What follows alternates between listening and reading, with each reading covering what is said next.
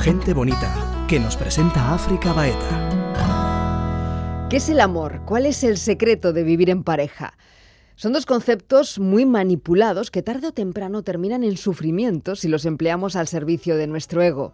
Ramiro Calle nos invita a reflexionar sobre las verdades y mentiras de la vida en pareja, sobre lo que realmente es el amor en mayúsculas, sobre el arte de aprender a convivir o por el contrario de saber soltar a tiempo. Gente bonita con África Baeta. Me proponías hablar hoy del arte de la pareja, un tema que da para muchísimo. ¿Por qué esa necesidad de emparejarnos, Ramiro? Por soledad, por muchas veces eh, necesidad de comunicarnos, necesidad de proteger y de ser protegidos, necesidad también de evidenciar nuestros mejores sentimientos, de cultivar emociones sanas. Lo que es terrible muchas veces es que aquello que precisamente buscamos al emparejarnos se vuelva contra la persona y se convierta el néctar en veneno aquello que en principio eh, queremos como un elixir para ayudar a nuestra vida emocional, muchas veces lamentablemente lo convertimos en una ponzoña. Por eso digo que la pareja es también una oportunidad preciosa para el despertar de la conciencia y para desarrollar nuestras mejores cualidades. Como decía Borges, lo que le pida a una mujer es indulgencia y ternura, sobre todo indulgencia, pues esto es eh, omniabarcante, esto se extiende a todas las relaciones. Tenemos, por un lado, que agradecer la indulgencia de los demás y también nosotros, en lo posible, ser muy indulgentes. Es curioso cómo a veces la pareja se convierte en el mejor maestro. El mejor maestro porque nos somete a prueba ¿Y quién es el más sometido a prueba en una pareja? El ego. El ego es el gran perturbador, es el gran falsario y es el que crea infinidad de problemas, tensiones, conflictos, dualidades en la pareja. Pero analicémoslo brevemente el por qué. Porque el ego quiere dominar o quiere depender mórbida eh, patológicamente, el ego quiere exigir, imponerse, atosigar, el ego se aferra, quiere poseer, quiere convertir a la otra persona en un artículo de su propiedad. El ego es el que muchas veces perturba totalmente las relaciones, no solo de pareja, sino todas las relaciones humanas, porque quiere inventar la vida de la otra persona, quiere hacerle el guion de acuerdo a su torpe entendimiento, no comprende que el amor no es imposición, no es exigencia, no es reproche, que el verdadero amor con conocimiento y sabiduría es ternura, es tolerancia, es real empatía, ponerse en el lugar de la otra persona. Por eso muchas veces las parejas que comienzan como una puerta o ventana que se abre al Edén, al final acaban en el infierno.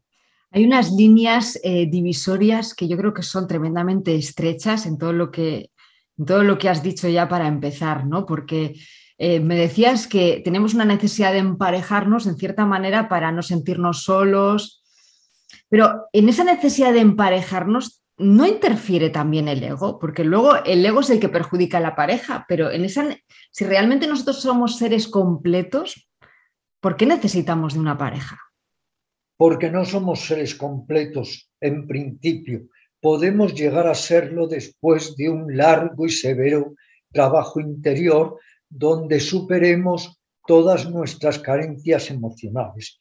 Otro enfoque equivocado cuando elegimos una pareja es que pensamos que cuando llega la otra persona a nuestra vida va a resolver nuestras complejidades y lo que sucede es que añade sus complejidades a nuestras propias complejidades. Porque como especifico muy a fondo en mi libro El arte de la pareja, que de alguna manera es una guía o para saber así o para saber soltar, porque cuando hay amor y conocimiento claro en la pareja, tiene que llegar un momento en el que se sepa, hay que proseguir o lo más sano y lo más fecundo es soltar.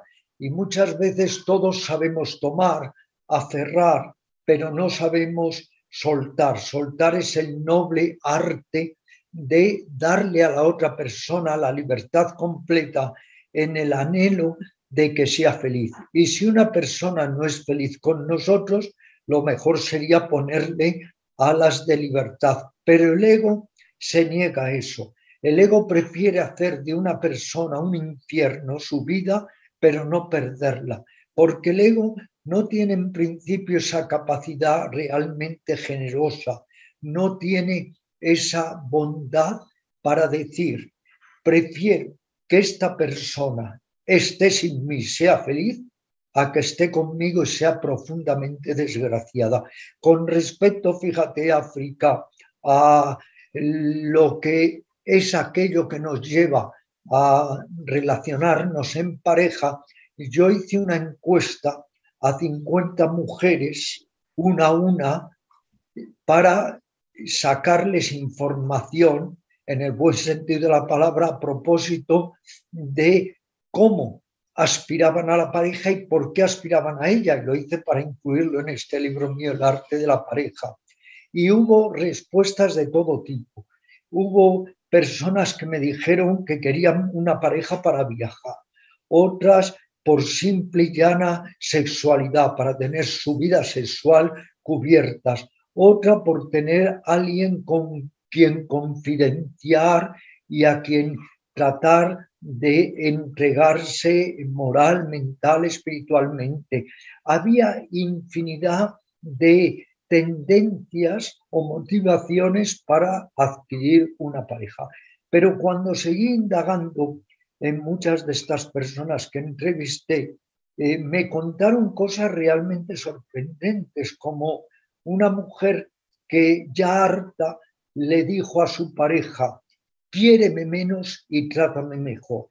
Porque es cierto, estamos siempre diciendo no puedo vivir sin ti, te quiero y lo que estoy haciendo es manipularte, utilizarte y tratar de que seas para mí como una herramienta vital, que no tengas independencia propia. Por eso la pareja es un arte, así llamo mi libro, porque es el arte además de saber asir, de saber soltar y sobre todo es la capacidad de rendirnos muchas veces al ego de la otra persona, rendirnos conscientemente, comprender que la otra persona también tiene su vida y que no tenemos ningún derecho a quererle hacer el guion de su existencia, ni tenemos nadie ningún derecho a que los demás cubran nuestras propias expectativas. Y las expectativas asesinan el amor y el deseo en una pareja.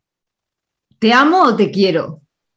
Te amo si no es un amor pasional que realmente lo único que quiere de ti es que le produzcas alteraciones agradables en el sistema nervioso.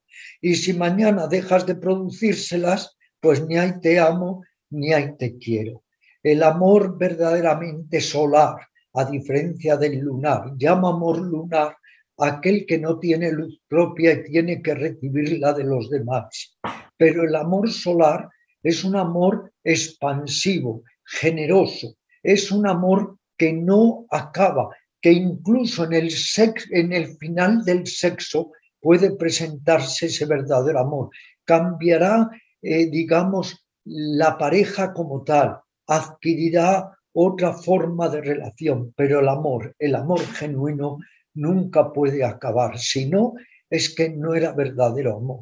Quizá tendríamos que partir, eh, antes de meternos en el mundo de la pareja, de, de cuándo soltar o cuándo asir o cómo saber soltar o asir, como cuentas en tu libro, tendríamos que hablar de qué es el amor, ¿no? El amor es amor. En realidad es un sentimiento tan hondo y tan profundo que no se puede explicar, no se puede poner en palabras. pero desde luego lo que sí hay que decir es que puede haber deseo acompañado de amor. Puede haber amor con deseo, pero el deseo solamente no es amor. El deseo es algo totalmente evanescente, puede durar un año, dos años, tres años, pero en realidad no es amor. Si tú amas a una persona, la amas más allá de su carcasa o de su envoltura física. La envoltura física es un complemento, un complemento agradable, inspirador, pero indudablemente el amor va mucho más allá de creencias, de ideas, de el tipo de persona que sea con la que estamos emparejados o amamos. Por eso el sexo acaba, el deseo se desgasta, la caricia pierde su vibración y su ternura muchas veces, pero el amor nunca acaba. Si una persona la hemos amado, la amaremos siempre. La relación incluso puede fraternizarse, puede paternizarse, como queramos que sea, pero el amor, el amor genuino, siempre permanece y la mejor manera de saber si hemos amado es cuando discurriendo el tiempo nos damos cuenta si seguimos velando y estando pendientes de las personas que decíamos amar o simplemente cuando finalizó la energía envolvente y embaucadora de la sexualidad, esa persona la hemos cambiado por otra y se acabó. Nadie puede imaginar, África, que tú vayas con tu hijo por la calle y veas un niño más bonito y digas, anda, lo cambio, me quedo con este y doy el mío. Pero tú sabes que en las relaciones de pasión eso sucede constantemente, que le puedes incluso estar, estar diciendo a una persona, daría mi vida por ti y mañana se la estás quitando. Por eso no hay que dejarse confundir por las sensaciones. Había un psicoterapeuta rumano que decía que a menudo lo que creemos amar son las sensaciones gratas que otra persona me reporta, pero mañana son ingratas y la otra persona lo que queremos es quitárnosla lo antes posible. Somos amor, yo no puedo dejar de amar algo, puedo dejar de amar si amo desde mi ego, Efectivamente, porque el amor es transegoico, es decir, está más allá del ego. El ego es posesivo, el ego es dominante, el ego es dependiente, el ego es exigente, el ego es impositivista, pero el amor está más allá de todo eso. Por eso decía, el amor es amor. El gran místico Sufí Rumi decía, cuando voy a escribir sobre el amor, se rompe la mina de mi lápiz, dando a entender que es imposible, o amas o no amas, pero desde luego el que ama sabe que ama. Y desde luego el verdadero amor no tiene nunca fecha de caducidad. Puedes incluso decir, esa persona me lesiona en la vida, esa persona no es conveniente que sigamos esta relación, a esa persona no la voy a volver a ver, pero siempre estaré velando por ella y estaré en disponibilidad. Y si un día me necesita, contará conmigo incondicionalmente. Pero ¿qué tipo de amor es ese en el que estás haciendo todo tipo de promesas a la persona? Nunca te fallaré, nunca te faltaré, siempre me tendrás. Y luego la persona cuando se desencanta de uno no quiere volver a saber nada de uno. Ya, eso es increíble. ¿Tú crees que existe el amor incondicional? Sí, plenamente convencido de que existe. Es lo que llamo amor consciente, amor con sabiduría, pero es un aprendizaje. Es un aprendizaje para que nuestras mejores potencias anímicas se pongan en marcha y puedan ir poco a poco refrenando la voracidad del ego. El ego lo que quiere es dominar a las otras personas.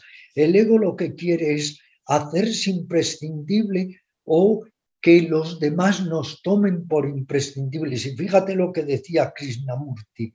Decía, nunca permitiré que nadie me diga que le soy imprescindible, porque como frase romántica es maravillosa, pero indudablemente si una persona te dice me eres imprescindible, coloca sobre ti un fardo realmente insoportable.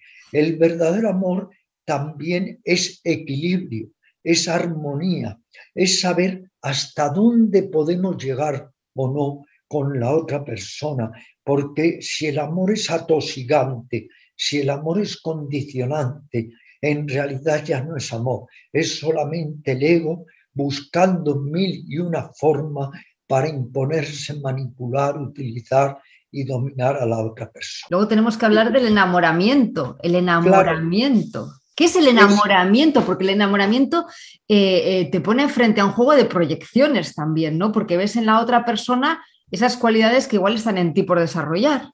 ¿Cómo ves el enamoramiento? El enamoramiento, lo que sucede es que es una droga dura.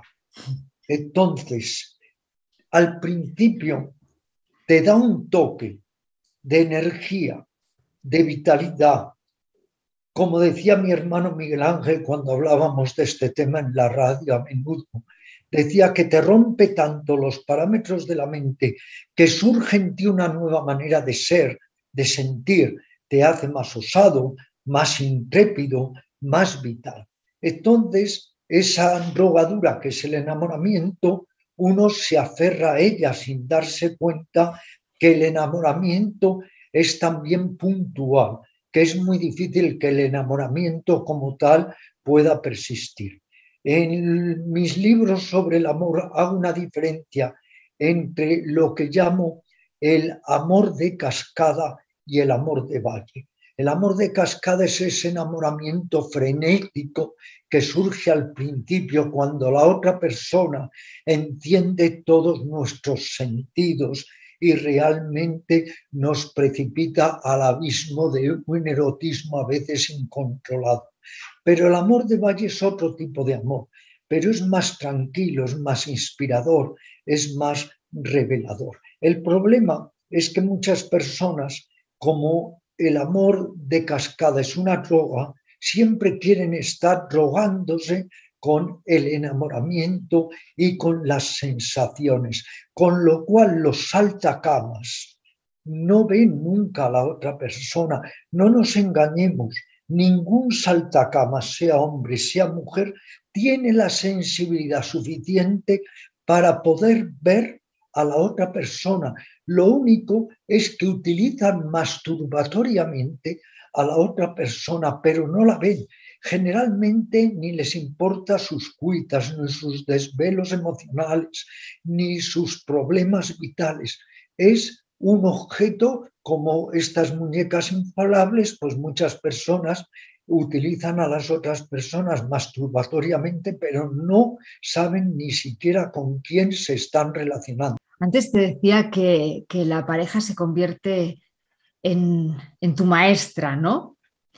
Eh, porque muchas veces cuando vives en pareja no te das cuenta de que eh, eh, ves, cuando pasa el periodo de enamoramiento, que hemos dicho que, estás, ese momento de pasión que te pone una venda en los ojos y ves eh, realmente lo que, lo que deseas ver o lo que anhelas ver o lo que está en ti por desarrollar en la otra persona. Pero cuando pasa esa etapa, la pareja te empieza a mostrar también tus sombras. Es un juego de proyecciones constante el mundo relacional. Tienes toda la razón porque fíjate, todos somos víctimas del fenómeno de proyección. El fenómeno de proyección tiene dos caras o dos lados. Uno es que proyectamos en la otra u otras personas aquello que está en nosotros y no nos gusta. El avaro, por ejemplo, ve a todos los demás avaros. El intolerante ve a todos los demás intransigente. Hay ese tipo de proyección. Y el otro tipo de proyección es que vemos en la otra persona lo que queremos ver pero no existe. Y entonces queremos que la otra persona se ajuste a nuestra visión o contemplación personal y hacemos una desgracia a la otra persona porque le robamos su identidad propia. Esto es muy grave y muy trágico en las parejas, robar la identidad propia a la otra persona. Por eso, una vez pasado el momento de fulgor, de euforia erótica que hace que la mente esté en todas partes y en ninguna, pues habría que plantearse cuál sería el modelo real de pareja sana. Es muy difícil, pero cada uno tiene que ver el suyo. Hay personas que viven cada uno en su piso y son mucho más felices que las personas que viven en un infierno privado en el mismo piso, un infierno privado de reproches, de exigencias, de discusiones, de broncas, de echarse todo en cara. Eso realmente es terrible. Yo me planteo si para realmente amar en mayúsculas hace falta un camino personal de autoconocimiento y de conciencia para aprender a amar y para amar realmente, porque mientras tanto, mientras yo siga identificada con mi identidad y con mi ego, yo a ti te voy a ver a través de mis ojos, yo nunca te voy a ver a ti al 100%, te voy a ver como soy. Pero por eso en mis clases insisto mucho a los alumnos en lo siguiente, así como me siento, así me relaciono. Si estoy lleno de lagunas psíquicas, de agujeros psicológicos, de carencias, me voy a relacionar muy mal emocionalmente. O si tengo necesidad de encontrar una figura paterna, una figura materna, porque no soy capaz de haber integrado mis verdaderas figuras paternas dentro de mí mismo. Eh, es cierto lo que tú dices, desde el ego siempre tendremos una visión, percepción sesgada de las otras personas, pero no es lo mismo si tenemos un ego más maduro, si somos menos egocéntricos, menos narcisistas o egoístas, o si por el contrario somos unos egomaníacos, unos narcisistas que solo queremos que las demás personas sean a nuestra imagen y semejanza. En la pareja hay unos aliados y hay unos obstáculos. Por eso la pareja es un yoga, es una manera también de ir buscando lo mejor y lo peor de uno mismo para realzar lo mejor y para disolver o por lo menos limitar lo peor. Se requiere autoobservación, se requiere honestidad con uno mismo, saber un poco desenmascarar el lado posesivo, neurótico, neurasténico de uno mismo en la relación de pareja. Y creo que lo más importante es comprender que la otra criatura es un ser sintiente, que si nos estamos relacionando con ella no es para amargarle la vida, sino para hacerle la vida más fácil, más sencilla. Por eso cuando me vienen a hablar de esas relaciones tan conflictivas que generan tanto dolor, siempre les digo a esas personas, hay que remontarse a por qué os elegisteis. Os elegisteis para llevar una vida agradable, plácida, cooperante, pero si vuestra vida ha desencadenado en un purgatorio, en un infierno, tenéis que replantearos que esto no puede seguir así, pero por comodidad, por inercia, por apatía, por miedo al cambio, infinidad de parejas siguen haciéndose daño y nunca reaccionan. Y lo que me parece increíble, aprovecho para decir, es estos, entre comillas, psicólogos que se empeñan a más a martillo a que las parejas que tratan terapia parejas tienen que seguir. Es que a veces les hacen un muy flaco favor. A veces el mejor favor que podemos hacer en una pareja conflictiva es que sigan tratándose como pareja. Hay que cambiar el signo de la relación, porque parejas que se llevan muy mal y se hacen mucho daño, quizá como simples amigos se llevarían mucho mejor y se harían mucho más bien. Como dices en tu libro, ¿cuándo asir y cuándo soltar? Es que asir es muy fácil. Asir es el niño caprichoso que quiere que mamá sea siempre de acuerdo a como él quiere que sea, que es dependiente, que a la vez es posesivo, que se enrabieta, que muchas veces eh, es cínico para atraer los favores de mamá, tantas cosas. Pero cuando uno se hace adulto y maduro, uno no puede ser un niño, ni puede demostrar esa actitud infantil con la persona con la que te estás relacionando.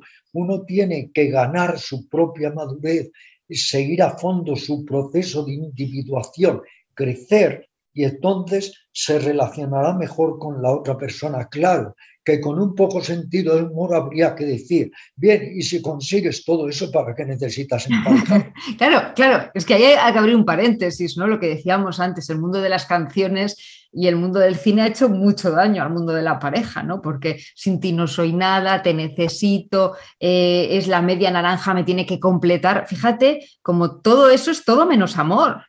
Es como... Y desde luego, y eso tiene muchos riesgos, África, porque hay personas que padecen hasta tal grado el síndrome de la dependencia que ya no pueden disfrutar nada si lo hacen sin su pareja, ni ir al cine, ni ir a la piscina, ni ir a un museo.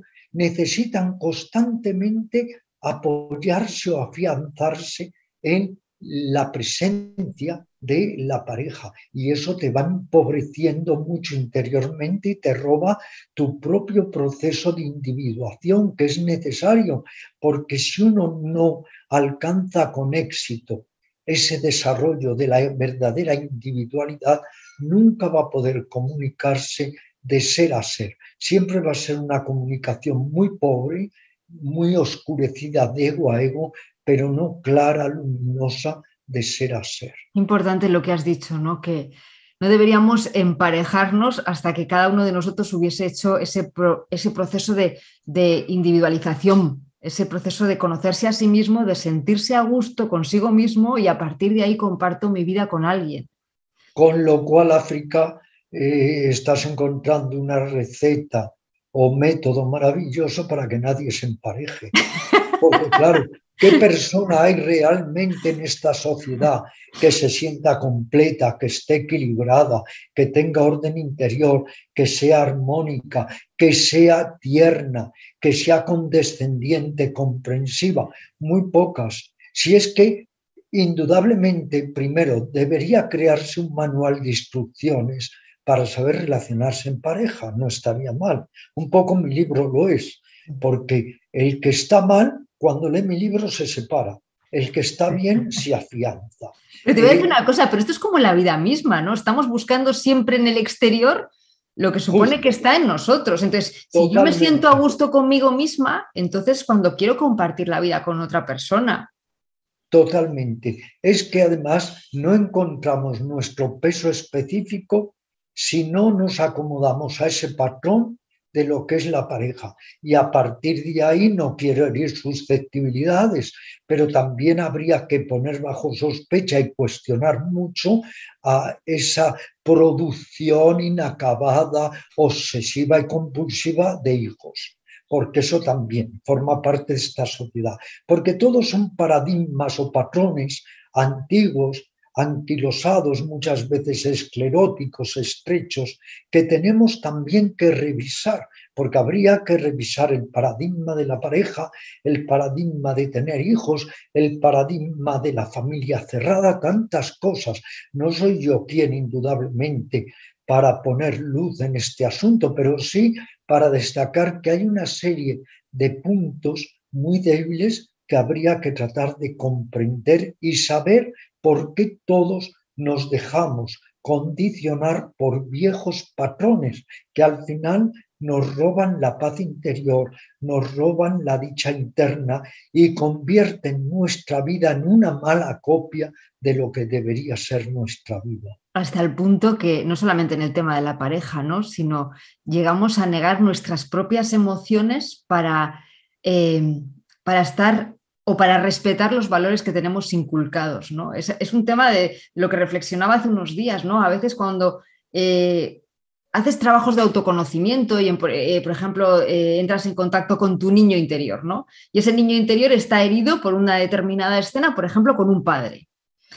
primero, negamos nuestras emociones antes de reconocer lo que nos produjo esa relación con el padre. No sé si me estoy sabiendo explicar, ¿no? Pero a veces hay que decir, acepto que en ese momento yo sentí que mi padre era malo. ¿Cómo vamos a decir mi padre es malo? Entonces negamos la emoción antes de, atravesar eso para llegar a una comprensión más profunda, pero hay que atravesar ese camino emocional. Cierto, todos tenemos muchas resistencias psicológicas, hmm. lo que a veces llamo enmascaramientos psíquicos, y es muy doloroso desenmascararse de una forma intrépida, valiente, pero si no se hace, no podemos crecer y desarrollarnos. Y por otro lado, la pareja es una bomba de relojería y no nos damos cuenta de ello, porque infinidad de vidas quedan frustradas y peor aún, castradas debido a que no se ha encontrado una relación armónica en la pareja. Y si tú, para estar en pareja, tienes que sacrificar todos tus ideales, todas tus motivaciones existenciales. Estás haciendo el peor negocio del mundo. Y lo malo de las parejas es que uno se exige y se reprocha y constantemente hay críticas acerbas de uno a otro. Y al final uno se pregunta, en el programa de África Baeta, uno se pregunta, se puede culminar en la libertad interior a través de una pareja. Tiene que ser una pareja muy respetuosa, que como decía Buda, sea tan, uno tan delicado como cuando quieres acariciar las alas de una mariposa para no llevarte el polvillo de las alas. Así de delicado tiene uno que ser en la relación de pareja. Y por otro lado, como todos estamos sometidos a cambios de ánimo, a cambios de humor, eso también repercute en la persona con la que vivimos. Si incluso mi gato Emil era sumamente perceptivo a mis estados de ánimo, a si yo discutía o no con Luisa o con otras personas, imagínate toda esa atmósfera cuando se crea nociva, inarmónica en una pareja, va en detrimento siempre de las dos personas que forman la pareja.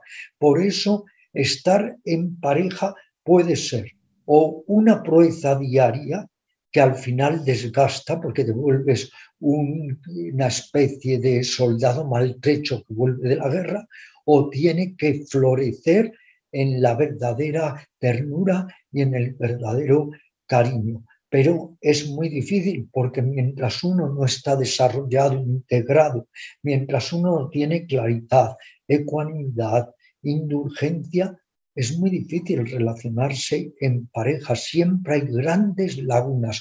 Unos las ven y otros no quieren verlas. Tremendo, ¿eh? Esta conclusión es tremenda, es lo que decíamos antes. No, y otros te quieren hacer creer la milonga de que su pareja es fabulosa. Yo digo, pero bueno, ¿cómo lo hacen? ¿De dónde han traído este elixir? ¿De otro mundo? Porque es que, oye, todo es fabuloso en su pareja. Sexo, como el primer día después de 20 años. Cariño, ternura, respeto. Todo eso es increíble porque hay que estar muy maduro, muy evolucionado para que realmente uno viva en pareja, pero no se comporte como si estuviera en pareja. En cuanto tienes derechos adquiridos, en cuanto crees que la otra persona es un objeto de tu propiedad, la cosa empieza a caminar muy mal. Y ahí tú crees más en la lealtad que en la fidelidad. Ese es otro tema espinoso. Bueno, es que la lealtad no cambia, es un valor insobornable. La lealtad es igual si eres tibetano o si eres español o francés o lo que fuere. La lealtad es la lealtad.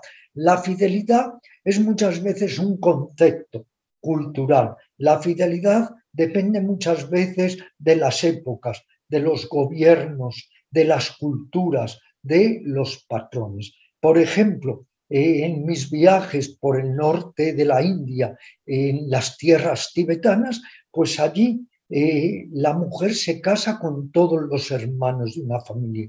Si esa familia, si con quien se casa ese chico tiene cinco hermanos, diez, se casa con los diez. Y los hijos que nacen, a todos les llaman papá. Quiero decir, es una cuestión cultural la fidelidad muchas veces.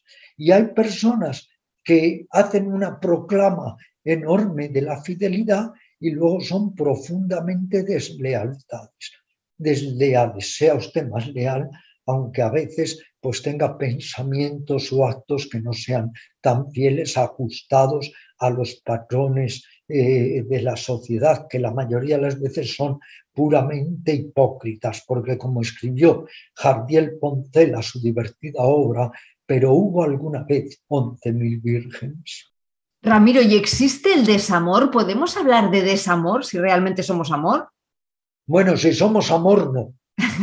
Pero como no lo somos, pues... ¿Realmente crees que no somos amor? Bueno, no nos vamos a ir por ahí. tenemos, tenemos, lo somos en potencia. Eso es. Pero tenemos que ganarnos. Tenemos que civilizarnos y crecer para ser realmente solares y ser amor expansivo y no posesivo. Pero como no lo somos, el amor está sometido a su lado opuesto, su dualidad, que es el desamor. Y hay infinidad de personas que arruinan su vida por desamor, porque no asumen que ya no las aman o que ya ellos no pueden amar. Y tenemos que darnos cuenta de que una persona hoy te puede encantar y te puede mañana desencantar porque todo está sometido a la transitoriedad y a la impermanencia.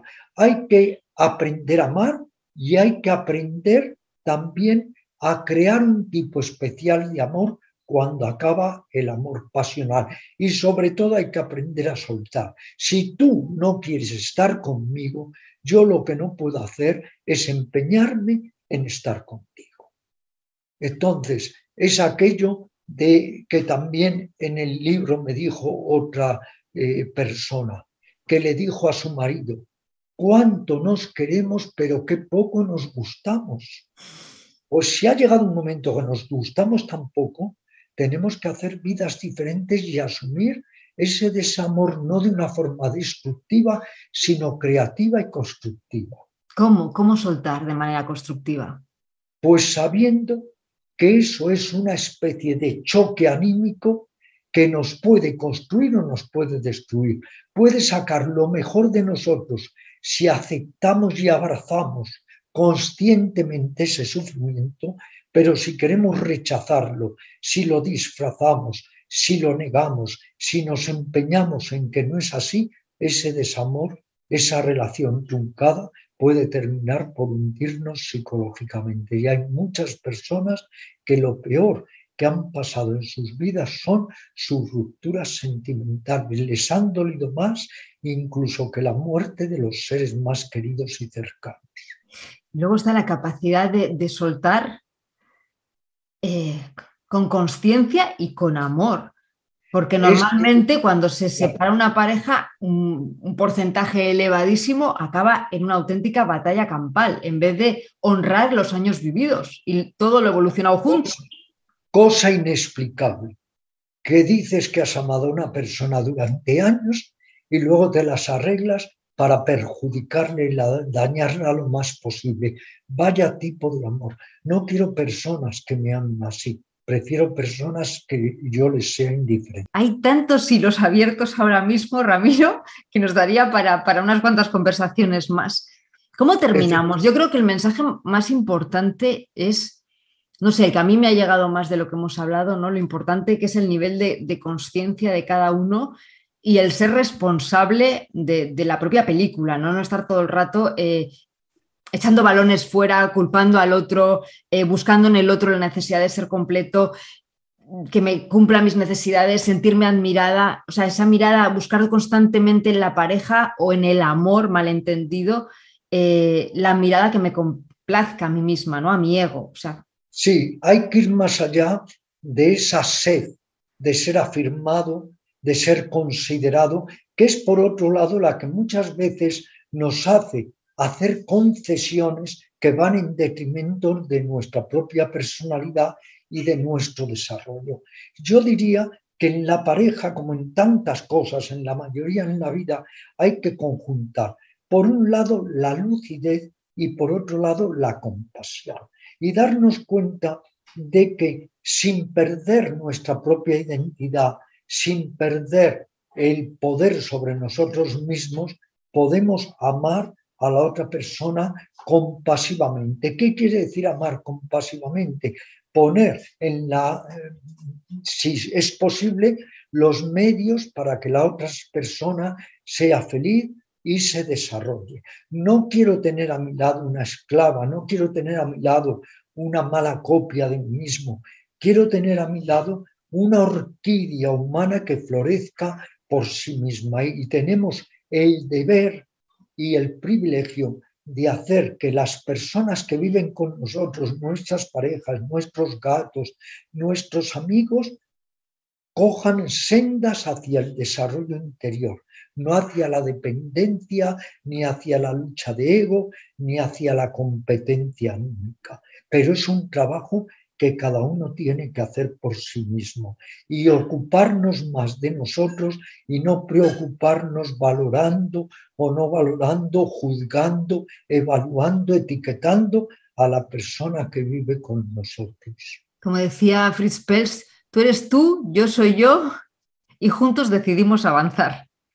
Efectivamente, o como digo en mi libro El arte de la pareja, hay siempre que respetar tres espacios, el tuyo, el mío y el nuestro. Si esos espacios no se respetan, al final no es un matrimonio, es un matricomio.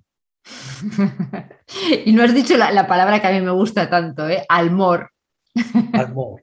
Es que eso es todo. Cuando tú me preguntabas qué es el amor, pues el amor que surge desde lo más profundo, desde lo más auténtico y esencial de nosotros mismos. Pero el amor no es dependencia, no es posesividad, no es dominio. El, el amor es que es luz que se expande en todas las direcciones. Si el amor nos encadena, ya no es amor.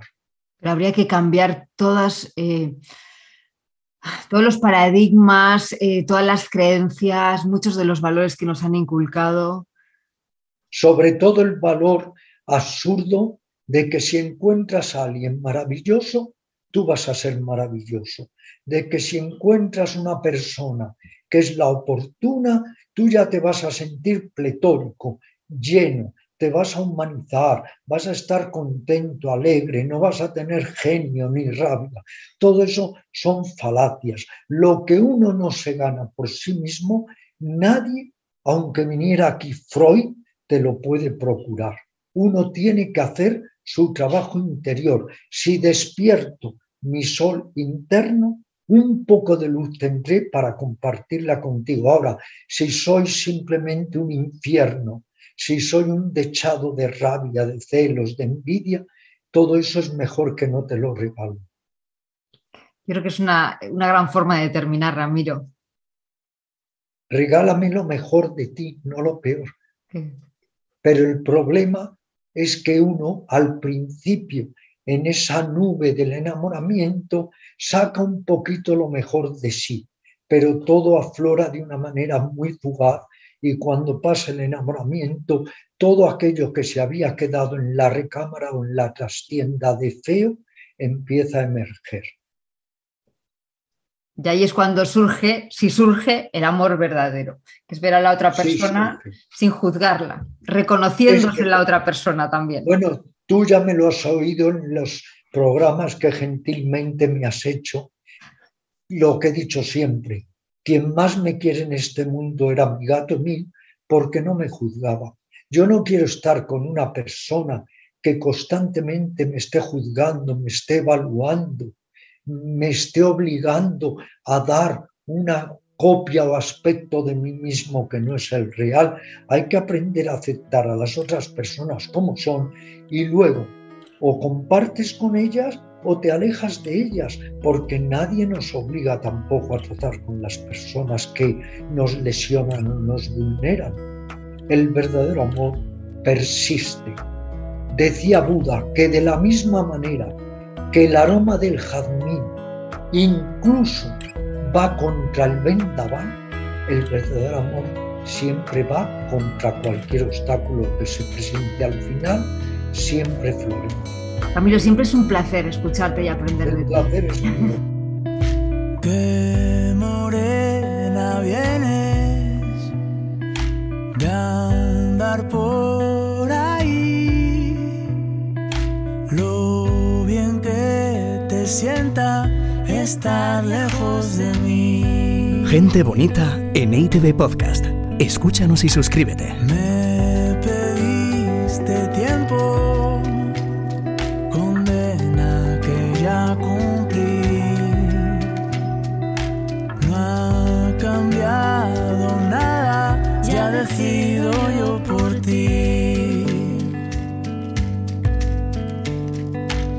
Aunque cada dos días me acuerde de tus pecas, agarrar esta cuerda me quema las muñecas, no pienso ser tu espía, ni tu mejor amigo. Quiero que ames libre, aunque sea sinmigo. Hay que soltar con fuerza, dejar que lleva mares, llenarnos la cabeza de pájaros de Portugales. Solo de imaginarte me entran los mil temblores, pero no tengo el cuerpo para mendigar amores, pero no tengo el cuerpo para mendigar amores.